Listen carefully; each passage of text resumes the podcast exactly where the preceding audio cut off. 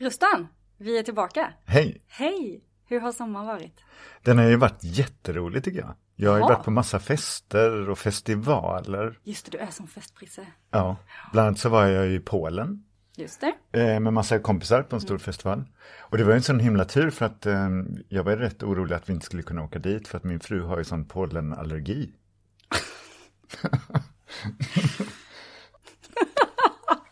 Mm. Ja, men det är bra. Okej, men ni kom dit. Hon klarade pollenallergin. Ja. pollenallergin. Men du, jag vill höra om din sommar också. Och, eh, ja. Men innan vi gör det, vi kör den här jingelgrejen va? Ja, det gör vi. Det, här är ju en podd med Lisa Garting och Rustan Nilsson. Nu kör vi jingel. Avfallet är en podd som produceras av miljöföretaget Sysav. En lite smånördig miljöpodd för dig som gillar sopor. Eller ja, hur sopor hänger ihop med konsumtion, miljö och klimat och så. Avfallet, en riktigt sopig podd helt enkelt. Kul att vara tillbaka på podden med dig Lisa. Mm, detsamma. Eh, hur har din sommar varit? Ja, min har väl kanske varit en sjua av tio. Mm. Alltså det har ju varit blött. Det har varit jättebra för gräsmattan, inte lika kul för mig. Det är bra för den eh, biologiska mångfalden det att det regnar. Mm. Hur känner du kring det som miljöpedagog och allmänt miljömedveten och medlem i Rebellmammorna och allt det här, ditt klimatengagemang. Är det inte mm. också lite skönt att det inte var en jätte, jättevarm och torr sommar? Nej, eller ja, det är skönt att det inte var det här. Men det var ju det i, i ja. många andra delar av Europa. Eh, Men har du hemligt till smyg så här längtat lite efter Just det, för att öka alarmismen. Liksom. Ja. Nej, nej, absolut inte. Och jag tänker att även den, eh, det, det är faktiskt onaturliga regnmängder vi har sett också. Alltså det är mycket som ändå ja. är tecken. Men, men det är klart, det blev inte den extremhettan som så att säga utlovades i början. Det, det har ju varit bra, men det har ju varit på andra ställen tyvärr. Ja, det är sant.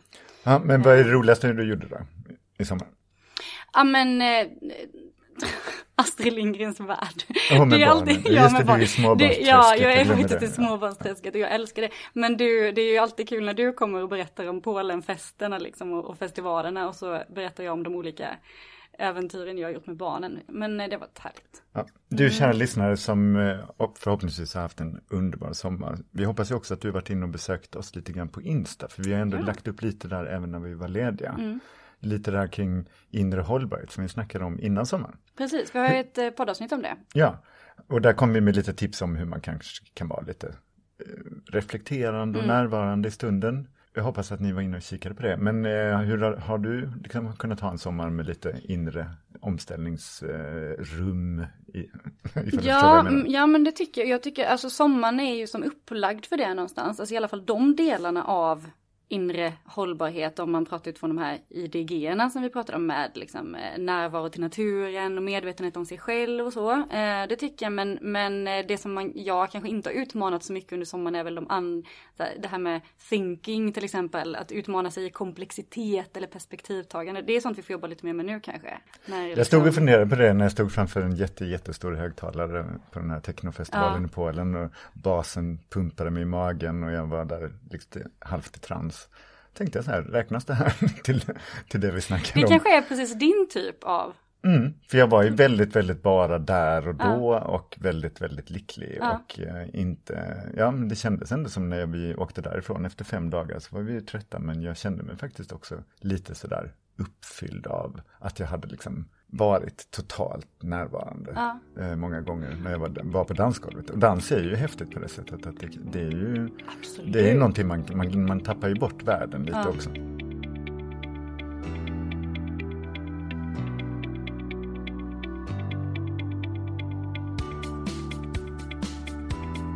Men du, nu har vi gullat nog om ja. sommaren och sådär. Nu måste vi nu börja vi... jobba. Mm, det är ju liksom det här, efter tar vi efter sommaren och så nu är vi där efter sommaren och ja. nu ska vi börja jobba. Jag tänkte bara kolla med dig. Mm. Ifall jag säger ordet tippen, vad tänker du spontant då? Eh, det gick ett barnprogram när jag var liten. Det är faktiskt ett av de absolut första barnprogrammen jag såg som heter Tippen. Och Lasse och Morgan i Sopköping. Det, var ju, det kanske var de första miljöpedagogerna som fanns. Mm. Ja, För det var ju faktiskt ett barnprogram som handlade om återvinning och källsortering och miljö och sådär. Just det. Eh, ja. ja. det var inte den tippen jag tänkte på. Nähe. Men även ifall det är kul därför att eh, jag vet att en, en av producenterna som låg bakom tippen mm. eh, känner jag lite grann han producerade också ett program sommarlov som jag var med i när jag var Superman. Just det, de fortsätter ta in det. Och de temana. tänkte just så att de ville göra en liten modern version mm. på tippen mm. när de gjorde det. Den sommarens omgång då som handlade om att alla skulle bli planetskötare. Det. det. var ju jätteroligt att vara med i det Men det är ju något där med att jobba med mm. barnen i det. Och faktiskt, Rustan, så hade de i Tippen, barnprogrammet Tippen, en eh, så slogan eller vad man ska säga, som var ingenting försvinner, allt finns kvar. Ja. Det var liksom det, det så. Och, och det, det tänkte jag på att säga, det är faktiskt, det är precis det vi också pratar om otroligt mycket ju. Absolut. Med alla vi möter och, och att vi, Nej, måste, det är ha, vi måste förstå det, vi... det liksom. Precis. Jo, men du då med, med tippen, du, du tänker inte på barnprogrammet? Nej, det var inte det jag tänkte på nu, utan jag tänkte bara så här, ifall, ifall jag hade sagt då till en 57-årig man ja. eh, med bil och villa, ja. eh, du ska åka till tippen. Ja. Vart, vart åker ja, den men här då, mannen då? Då åker de ju till en återvinningscentral, tänker mm. jag. Um, det är det man, eh, det, och det är, även när jag åker till tippen så åker jag till en återvinningscentral. Ja, ja. vi har precis har vi försökt ibland här, arbeta in ordet återvinningscentral, mm. återvinningscentral till folk och folk fortsätter säga tippen. Och så tycker vi att det är lite fel därför att vi tycker väl inte att det är en tipp för att egentligen när man säger soptipp, då är det inte en återvinningscentral man kanske ser framför Nej. sig. Nej. Och vi har ju inte kvar soptipparna i Sverige idag på det sättet som vi hade förr. Nej, det är väl deponierna idag som man skulle kunna kalla ja. en, alltså som är dagens soptipp här, mm. eller?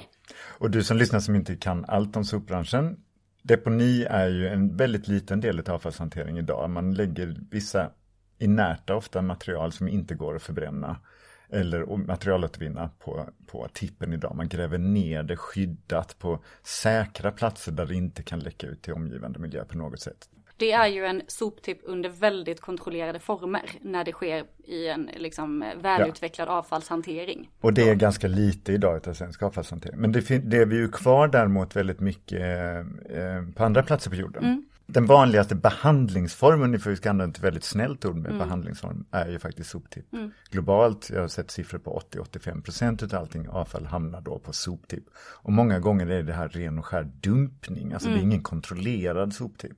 Och det ska vi snacka om idag, eller hur? Ja, det ska vi. Det ska bli jättespännande ja. att lära sig lite mer om det. Ja, och vi har en gäst som ska snacka om det. Mm. Vem är det? Det är Staffan Lindberg som du fick äran att uh, intervjua. Ja, han är ju undersökande reporter på Aftonbladet. Det stämmer. Och han och hans fotografer, de gjorde ju en resa till de här tipparna för att de följde kläder Ja. ja som var... de hade satt spårningssändare på H&M eller kläder de hade lämnat till hm butiker för att se för det blev återvunnet eller återbrukat så som det påstås. Precis, det var ju Aftonbladet, de gjorde den här granskningen i våras ju, så det är säkert många av er som kan ha tagit del av den.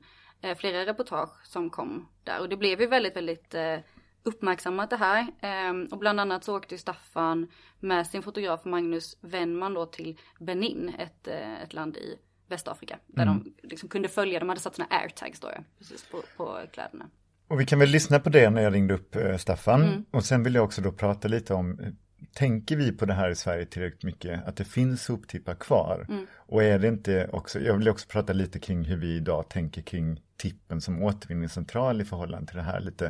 Eh, för det, alla är ju inte jättetrevliga och snälla som kommer till en återvinningscentral. De flesta är ju det. En del beter sig ganska illa där. Ja, det vill jag också där får ju, får ju stå ut med en del ja, faktiskt. Så det vill jag också ta upp i förhållande till den här tippen som eh, Staffan kommer att berätta lite mm, om. Det är spännande att prata vidare om. Så vi ska inte snacka så mycket om H&M och de här kläderna. Han kommer in lite på det i intervjun. Mm. Utan han ska, vi vill också lite höra hur såg det ut när han kom till de här platserna. Så vi kör intervjun nu.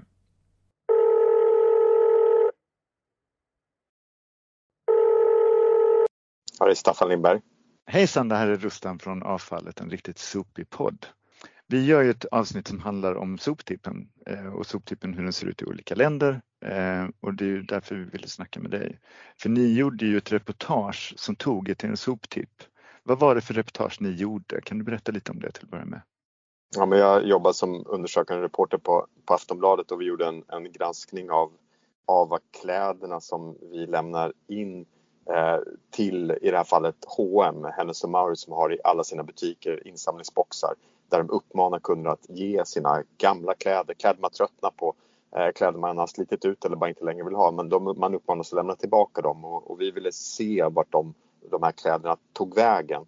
Eh, vi fäste olika spårare i dem, airtags kallar de blåtandspårare eh, och kunde följa dem hur de försvann ut i världen.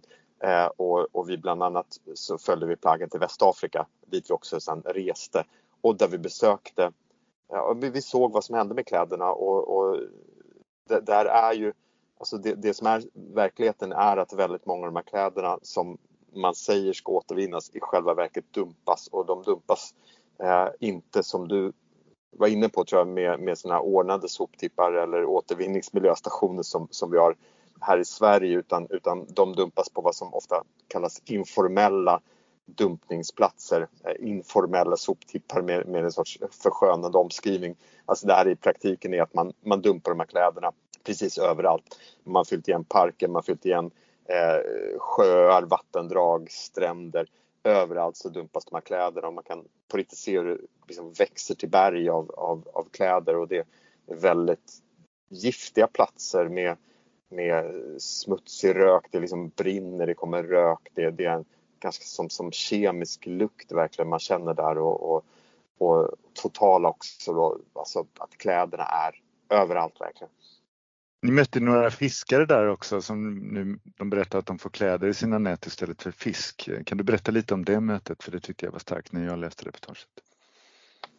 Vi var ju förberedda på att det skulle vara, vara illa men det var nog mycket värre än vad vi hade trott. Så när vi kommer ner till, till de här stränderna eh, i, mitt inne i Accra, Ghanas huvudstad Accra, så det är stränder där människor har fiskat i hundratals år och, och de är verkligen helt täckta av kläder.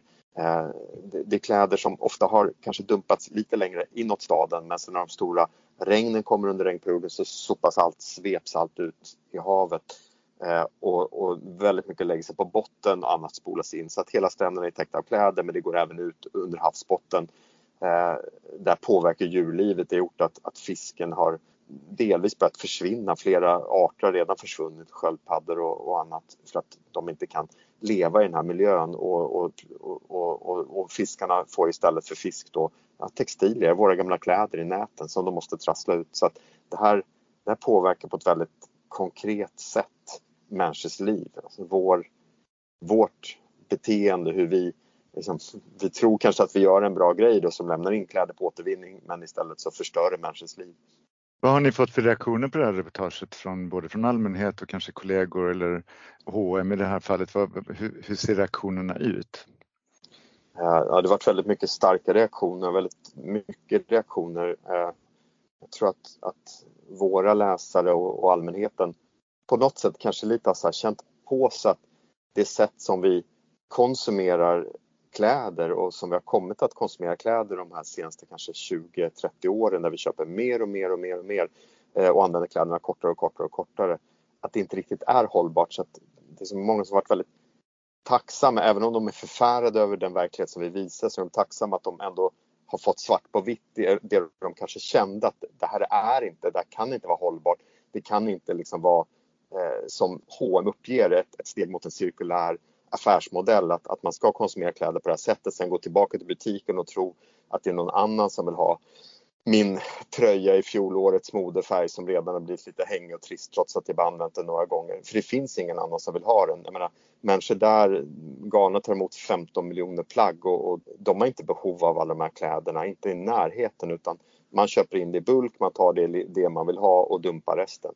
Så att, ja men det har varit, varit starka reaktioner. Eh, H&M har ju däremot rätt mycket som så här, förnekat ansvar på ett sätt som har förvånat mig. Man säger att det är inte vi som är problemet, det är andra som skickar ner eh, kläder till de här länderna som eh, skickar trasor eller skickar trasiga kläder och det är de kläderna som ni ser dumpas. Eh, det är inte våra kläder, det är inte vår återvinning. Men då tror jag inte man riktigt vet hur det funkar på de här marknaderna dit de här kläderna kommer därför att det vi ser, det alla berättar för oss från säljarna på marknaden till myndighetspersoner, miljöorganisationer på plats, det är att även kläder som är hela och någorlunda rena, de dumpas i alla fall därför att det är ingen som vill ha dem. Ehm, så att det varit på något sätt lite frustrerande att se att de inte ens från mitt perspektiv har den grundläggande förståelsen för hur problemet ser ut. Tror du att H&M kan vara förda bakom ljuset i sin tur av de partner de har som har garanterat att det här ska bli återvunnet? Eller är det ledningsproblem att de är för långt bort från verksamheten? Eller vad, vad, vad kan det bero på att de eh, nekar till något som var så uppenbart i det här fallet att ni faktiskt eh, taggar de här kläderna? Jag vill inte riktigt spekulera i det men jag kan konstatera ett par saker och det ena är att, att de har en, alltså det, det är inget litet företag, de har väldigt många väldigt kompetenta människor som jobbar med den här typen av frågor. De saknar inte resurser som kanske det lilla klädmärket skulle göra utan här, här är de, man tillverkar 3 miljarder plagg om året. Eh, man är världens näst största modekedja så att jag vill tro att kunskapen borde finnas. Eh, jag kan också konstatera att man ser det här är inte som att om vi hade kunnat visa att någon, någon second hand-kedja i Sverige hade skickat kläder som blev osålda dit. Det hade väl varit allvarligt i sig men för att här, för H&M är det här en mycket, mycket större fråga. För H&M är det här ett sätt att visa att vi är på, vi är på god väg att, att bygga en helt cirkulär affärsmodell. Och det är en väldigt tydlig signal till kunderna att ni kan shoppa vidare som vanligt. Vi håller på att lösa det här. Det är en tydlig signal till investerarna att vi är ett grönt framtidsföretag som, som har en, en miljömässigt hållbar affärsmodell. Det är en tydlig signal till politiker att, att vi håller på att lösa de här utmaningarna själva. Så att de måste på något sätt kunna visa att de har ett ansvarsfullt sätt att ta hand om sina gamla kläder. Men problemet är att det finns inget bra sätt att ta hand om de här kläderna. Det talas om fiber till fiberåtervinning men det är enorma utmaningar och det är väldigt, väldigt stora miljökostnader. Alltså vi, kan, vi måste bära kläder mycket längre och, och köpa kläder på ett annat sätt vad kan vi nu skicka med då lyssnarna till den här podden som privatpersoner? Hur kan, vad, vad tycker du behövs göras för att vi ska få till stånd en förändring? Ehm, det är allt fler forskare, miljöexperter pekar på är att man måste se över konsumtionen, alltså hur man köper kläder.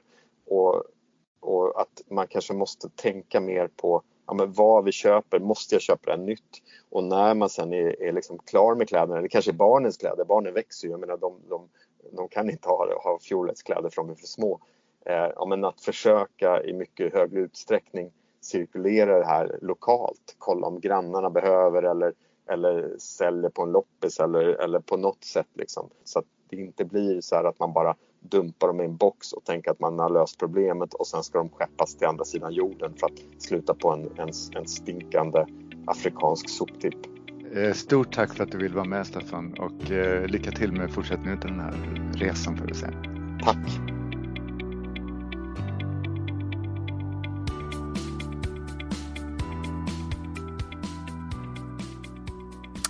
Ja Rustan, nu, du pratade med Staffan, vad var dina reflektioner efter det här samtalet? De var många men jag vill höra dina först faktiskt, okay. kan jag inte få det? Jo absolut.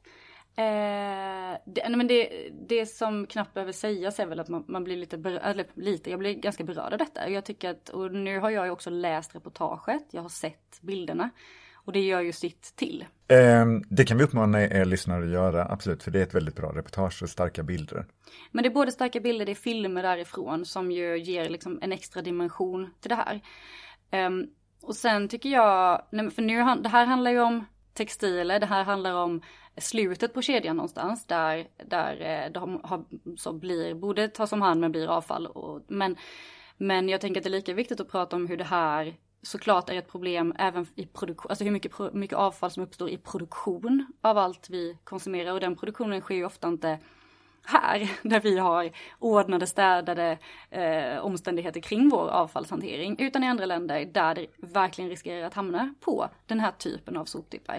Precis, men jag tror ju att medveten idag generellt sett har ökat lite kring att man har förstått att det är produktion, stora miljöpåverkan sker. Men jag tror inte att så många faktiskt tänker på att det man faktiskt själv lämnar ifrån sig här, som kanske till och med då att man tänker sig att det här ska bli återbrukat, man lämnar det till en välgörenhetsorganisation mm. och, och, och, sina kläder, mm. att det faktiskt också då kan hamna på en soptipp i Benin. Nej. Den förståelsen tror jag eh, det här reportaget verkligen kommer se till att lyfta och, och, och höja kunskapen. Mm, absolut. Um, och det är väldigt positivt. Men han sa ju så här att det, det här systemet funkar ju inte. Nej. Um, ska, vi, ska vi bara lite snabbt berätta hur det faktiskt går till idag som gör att kläderna hamnar där? Ja, bara för de som ja. inte hängde med i det. Dra, dra, dra Ska jag dra det? Mm. Men så här är det, jag går till och lämnar in mina kläder till en välgörenhetsorganisationslåda som står utplacerad någonstans. En seriös partner De samlar in då kanske från hela Sverige och de får upp ganska stora volymer. I det här finns det ju både sånt som är bra och, och, och, går att sälja och sånt som kanske inte är så bra som till och med är trasigt eller smutsigt eller felsorterat. Men det kan också vara låg kvalitet eller inte särskilt populärt längre och osålbart utav flera olika anledningar. Men alla de här kläderna skickas först nu till Baltikum. För det är här det finns de här stora sorteringsanläggningarna där folk manuellt står i hög hastighet och med väldigt god kunskap, för de kan väldigt mycket om, vad som, om det här, står och sorterar ut liksom godbitarna som kommer många gånger tillbaks till Norden, då, till Sverige och Danmark och Norge, där det säljs kanske på lite coola vintagebutiker. Eh, men resten då som kanske inte har lika mycket värde, det buntas sen ihop och säljs i sin tur till ett fattigare land. Och det här vandrar liksom lite ner i Europa och, och sen ut från Europa hamnar i Afrika där nya då kunder. Asien en del också. Och till Asien, ja mm. precis som köper den här liksom stora balarna och mm. försöker hitta godbitar de kan sälja på sin marknad. Men det liksom blir till slut mer och mer skit kvar om man ska uttrycka det så. Mm. Och det här kan ju inte de hantera i Afrika utan de plockar bort kanske nu, hittar de bara få godbitar som de kan sälja och resten slängs då på de här tipparna. Och för att ha kontroll på de här tipparna så eldar man ofta liksom av hela tiden för att det inte ska växa sig enormt mycket. Så det är mycket giftig rök, vi vet att kläder innehåller plast. Så går det till. Mm. Eh, vi håller ju, precis har ju med och håller på att försöka förändra det här med Ziptex, att vi ska då istället ta tillbaka det som är skräp till Sverige och återvinna det till fiber till fiber, gärna som Staffan också var inne på. Men det, det, det mestadels 99 procent idag går den här vägen. Mm. Ja och någonstans där längs vägen tappar man ju kontroll över det. Det är väl ja. det som mycket händer, att när det väl liksom triple down så till slut så finns det inte någon kontroll. Nej. Utan det försvinner, försvinner. Och precis som du nämnde, det här är både hälsoproblem, miljö, stora miljöproblem självklart, det säger sig självt liksom när man ser de här. Men, men också vad det, vad det påverkar människorna mm. eh, som lever där. Och, jag tänkte visa dig en bild från min ja. Instagram. Jag skulle behöva se, berätta för lyssnarna vad det är du ser på den här bilden. För jag tror inte jag visat dig den här. Eh, det, det, är en bild in, på ett inzoomat däck. Det ser ut som att det är ett fordon som är däcket. Och så står det en man, tror jag, framför och håller i, är det en slangbälla? Det är en slangbälla, ja. Har, ja. Det ser jag, väldigt smutsigt ut. Och, ja, det är väldigt smutsigt där. Ja. Och det här är på en soptipp, för jag har varit på Aha. en av världens största soptippar i Afrika. Ut, i, I Lusaka i Zambia för några år sedan. Eh, jag var där i jobbet faktiskt och kunde åka dit och kolla. Jag tänkte jag bara ska bara ta med lite vad jag upplevde där. För det här, jag, kände, jag trodde ändå att jag visste ganska mycket om hur fattigt det kan vara. Um, I Lusaka har de en jättestor soptipp som de kör i stort sett allting till. För de har svårt att hitta återvinning på grejer. De har inte jättemycket avfall per person, men det, liksom det avfallet som uppstår, det, det, har man ganska mycket problem med nedskräpning. Det är inte många som har tunnor och de som har tunnor har inte alltid råd att betala för tömningen. Det finns mycket problem där nere. Men det samlas ändå in från gator och tunnor och så körs det på öppna flak, ofta med människor som sitter på och jobbar och som sitter utan skyddskläder på de här flaken och åker med ut till soptippen och dumpar av det där. Och varje dag så tar sig människor in som lever på att försöka hitta någonting att sälja på den här soptippen. Och det kan vara bara material, att de samlar plast och papper som de säljer till återvinningsindustrin.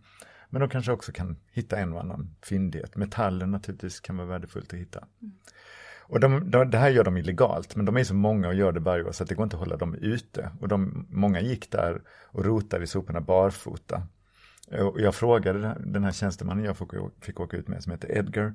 Ni har inte funderat på att köpa gummistövlar och ge dem i alla fall för att de ska inte skada sig någon gång omkring. Och då sa han att de är så fattiga att så, så fort de hade gett, för de hade gjort det en gång det första de gjorde var att sticka och sälja gummistövlarna. För att man är så mm. fattig så man vet inte när man kan få pengar nästa gång. Man bor i ett område som kanske inte är säkert och tryggt så att mm. någon kanske kommer stjäla de här gummistövlarna. Så att det enda som hände var att de sålde dem samma dag istället för att kunna köpa mat. För att det är ur hand, till mun, ur hand i mun så att säga hela tiden deras verklighet. Men de är ju då så fattiga så de lever på att rota bland brinnande, rikande sopor som har körts ut hit i, i 38 grader värme var det när jag var där. Och det pyrde och det, ra, det var risk för ras också för de hade problem att packa de här soporna för deras maskiner var alltid trasiga. Så det här däcket du såg, det var en maskin bakom som var trasig. De hade stått där i två år som egentligen skulle packa ihop soporna. Men de i sin tur måste ju äta ändå när de står där och jobbar hela dagarna. Så då var det också kvinnor som kom dit och lagade mat på den här rykande soptippen som stod där med öppet eld och liksom eh, lagade mat eh, och fixade mm, grytor som, liksom, som jobbade med. Okay. Så de använde, de så fattiga så att de måste plocka skräp kunde ändå betala de här kvinnorna för mat som de kvinnorna stod på soptippen i en rykande, stinkande sop och lagade mat. Mm. Den här bilden på killen han var råttjägare och han var i sin tur betald utav kvinnorna att skjuta råttor med sin slangbälla för att de inte skulle komma och försöka och stjäla maten när kvinnorna stod och lagade den. Då kan du förstå hur fattig den killen med, med slangbällan är. Mm. När det, han är ändå tredje person i en ekonomi som baseras på de här som står och rotar efter papper och plast på, på, på, på en rikande sopor. Mm. Det gav mig en tankeställare. Hur kändes det att vara där i det? Ja, det var, det var faktiskt väldigt jobbigt därför att eh, man kände ett stor frustration att man inte är president någonstans i, i ett jätterikt land ja. och inte, inte har någon makt att kunna påverka den situationen. Och att de, den föreläsning om hållbar utveckling som jag precis hade hållit för borgmästaren dagen innan kände jag att jag kanske hade lite fel fokus och jag lagt tyngdpunkt på fel saker. För att mm. jag, jag, var, jag hade någon teoretisk kunskap men som jag tror att ibland måste man bara få se och känna och lukta för att förstå hur jäkla eländigt ja. det kan vara.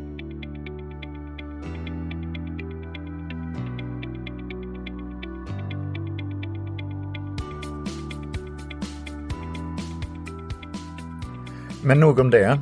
Nu vill jag hoppa då till tippen här i Sverige. Mm. Är du ofta där på återvinningscentralen? Det är faktiskt ofta min man som åker till återvinningscentralen. Det är ju pinsamt att erkänna att man mm. har sådana tydliga eh... Genusstereotypa beteenden. Nej, ja, men jo, men vi är ganska, nej, ganska ofta, vi, vi har inte så mycket, ja, det, var, det var värre när jag bodde i hus, kan jag säga. Mm. Då var vi ganska mycket mer oftare på tippen. Mm. mm. Du då? Ja, men jag hänger väl där lite mm. då och mm. då. Delvis har jag ju, jag har ju ett sommarhus som vi håller på att renovera på i evigheter, så det blir mm. alltid massa mm. vändor dit. Mm. Jag brukar då åka till Simrishamns återvinningscentral och vi kommer ju ut på våren, ofta flyttar vi ut igen dit och börjar fixa lite med huset och då faktiskt är det så att personalen där brukar säga Åh, nu vet man att våren är här när du kommer Rustan och det är så gulligt. Du är ett vårtecken. Ja, jag är ett vårtecken. Och sen kommer jag rätt ofta under hela sommaren då med både trädgårdsavfall men framförallt massa plank och sånt där. Det brukade de kalla, säga till vår familj när jag växte upp för då ställde vi alltid ut säckar med hästbajs utanför vårt hus, vi hade stall. Ja. Eh, och det var alltid så, åh nu är, det, nu är, det, nu är våren här, nu har, har de ställt ut säckarna med hästbajs. Mm. det finns olika vårtecken. Ja, det finns många vårtecken. Men det jag tänker på att när vi åker till en återvinningscentral idag så, så är det slående hur fint det är. Mm, det är rent och snyggt, eh, personalen är himla trevlig och service-minded och tydligt skyltat och det finns många möjligheter att sortera rätt och vara med och bidra till minskad miljö och klimatpåverkan utav sitt Speciellt avfall. känns det ju väldigt tydligt ordnat och rent och fint nu när man har hört den här skildringen av hur det ser ut på andra ställen. Ja. Det blir liksom ännu tydligare hur snyggt och ordentligt det ja. hos oss. Och då är det förvånansvärt tycker jag att det många gånger, för jag har ju faktiskt också jobbat på återvinningscentral för ja. länge, länge, länge mm. sedan, var jag som timvikarie mm. som hoppar in ibland vid behov.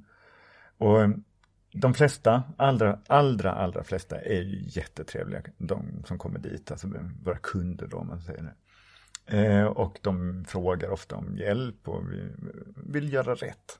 Men det, varje dag var det alltid ett par mm. stycken som mm. betedde sig riktigt illa och som blev förbannade när man sa till att du kan inte lägga det, det här här.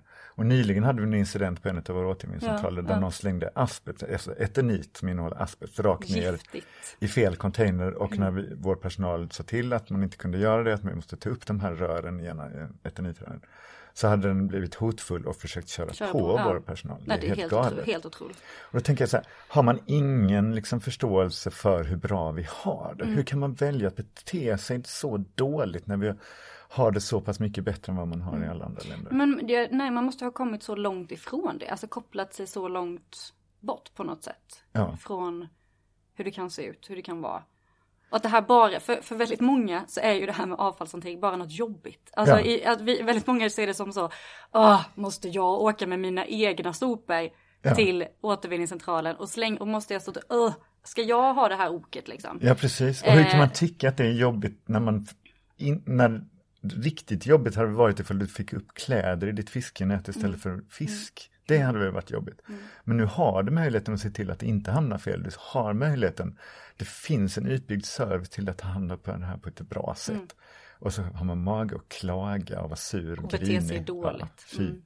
Men, men, jag tycker ändå att vi ska avsluta med att säga att de flesta som kommer till våra återvinningscentraler, nästan alla, är ju underbart trevliga och vill göra rätt. Ja, och inte minst personalen vill hjälpa till att göra rätt. För jag vet ju också att många tycker det är lite läskigt att åka till återvinningscentralen. Alltså att man kan känna en sån, åh jag vet inte riktigt hur jag, uh, ska, var ska jag lägga det? Det är svårt att packa med släp om man mm. behöver det. Och, och det, det ska, jag tror faktiskt, för många kan nog känna att man är lite rädd för att göra fel och då är lite rädd för att en personal ska komma och säga app, app, app, app, app. Ja. Nu. Men i själva verket är det tvärtom. De är ju bara där för att hjälpa en. Så det kan man också påminna sig om faktiskt. Om man ska åka till en återvinningscentral att ta hjälp istället för att känna att ni gör något fel. Bra, får jag berätta en lite gullig historia då från, också från Simrishamns återvinningscentral. Ja.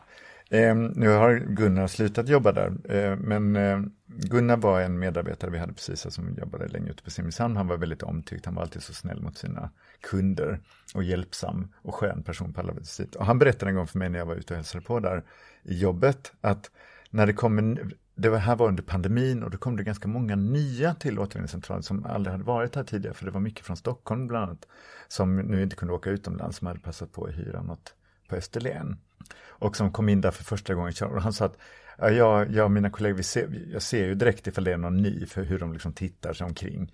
Och då, då gör vi alltid så att vi låter dem pröva själv först, så då gömmer vi oss lite grann så att de inte ska se oss och känna sig stressade över just det här att ja. åh nu kommer jag göra fel här och så kommer de titta på mig och så kommer de vara arga på mig. Så då gömde de sig bakom någon container där ett tag för att sa första gången ska man få chansen själv att se i lugn och ro. Och jag bara tänker vilken pedagog. Ja men och då har man ju förstått det mänskliga psyket också. Eller hur? Och våra återvinningscentralsarbetare, de är ju psykologer och de är mm. pedagoger förutom att också vara grovarbetare. De är också kemister för de ska kunna hantera en massa eh, läskigt avfall som kommer in och så vidare. Så mm. vi är eh, en ja, beundransvärd behöva... arbetsgrupp, eller vad ska man säga, ja. en fantastisk yrkeskår. Ja, de ska inte behöva bli utsatta för hot och eh, Nej. De ska bli hållade, hyllade som hyllade, de eh, ja. återvinningshjältar de är. Mm. Du, mm. nu har vi blajat på här tror jag. Mm. Ja. Eh, men jag tycker ändå att det var jättefint att få höra Staffan och berätta lite mer ingående om hans upplevelse på tippen. Eh, och det, kom ihåg kära lyssnare, det är en tipp. Det är en dumpningsplats som ja. dina grejer hamnar ifall du fortsätter överkonsumera saker som ingen vill ha här hemma ändå. Vill inte du ha den där gamla hm tröjan Det är troligtvis ingen som vill ha den här alls och då riskerar den hamna där. Så gör som Staffan sa, tänk på vad du köper, minska Precis. din konsumtion, köp bättre kvalitet, något annat vi kan tänka på. Nej, men han, ja, han satte ju fingret på det, grundproblematiken. Mm. Det, är inte, det är inte slutet vi ska, vi ska prata om i början. Mm. Liksom. Vårt ansvar. Vårt ansvar och att det handlar om vad vi väljer att konsumera och inte. Fint. Du, nu har vi två grejer kvar. Mm. Eh, Minna. Minna, vikarien som visar framfötterna. Det ska, ska vi få, ta det först? Ja, det gör vi. Det okay. gör vi. Kör jingeln. Fötter.